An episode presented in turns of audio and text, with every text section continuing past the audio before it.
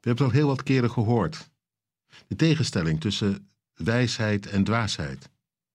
Tussen wijze woorden en dwaze woorden. Tussen wijze raad en dom gepraat. Opnieuw heeft de prediker erover. Waarschijnlijk is het toch zo'n veel voorkomend verschijnsel dat je er steeds weer op stuit. En je elke keer er weer aan moet worden herinnerd. Waar jij je oor te luisteren eh, legt. Waardoor jij je laat leiden. We lezen in Prediker 10, vers 12. De woorden die de wijze in de mond neemt, geven hem respect. Ja. Als iemand op een verstandige manier, wel overwogen, het een en ander inbrengt, dan roept dat als vanzelf respect en waardering op. Mooi is dat. Op den duur is het zelfs zo dat als zo iemand zijn vinger opsteekt en zegt: Misschien mag ik ook even wat zeggen, dat iedereen dan een en al oor is. Omdat je voelt, als hij of zij iets inbrengt, dan gaat het ergens over. Meestal zijn het mensen die niet gelijk reageren, die even wachten, die de dingen overwegen. En dan van daaruit misschien een vraag stellen die anderen weer te denken geeft.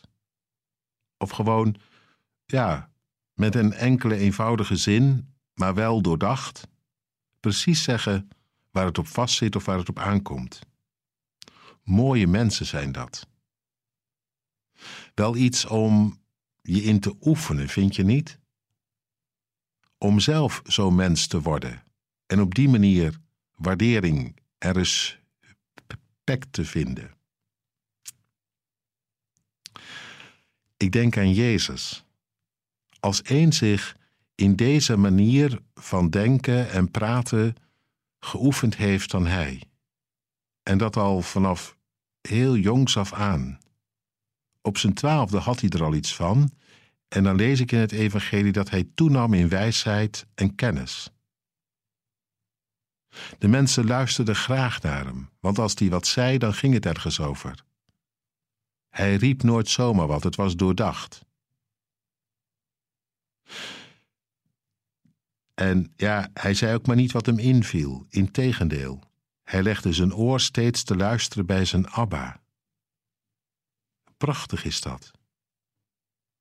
Hij liet zich leiden door de hemel. En dat gaf hem de wijsheid die je steeds ontmoet als hij zijn mond open doet.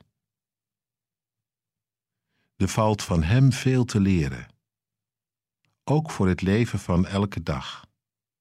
Omgang met hem, ja, dat durf ik je te beloven.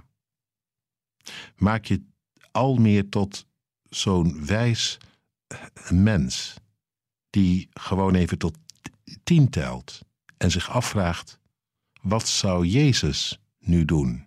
Of nog anders gezegd, als hij naast me zat, hoe zou ik dan reageren? Wat zou ik dan zeggen?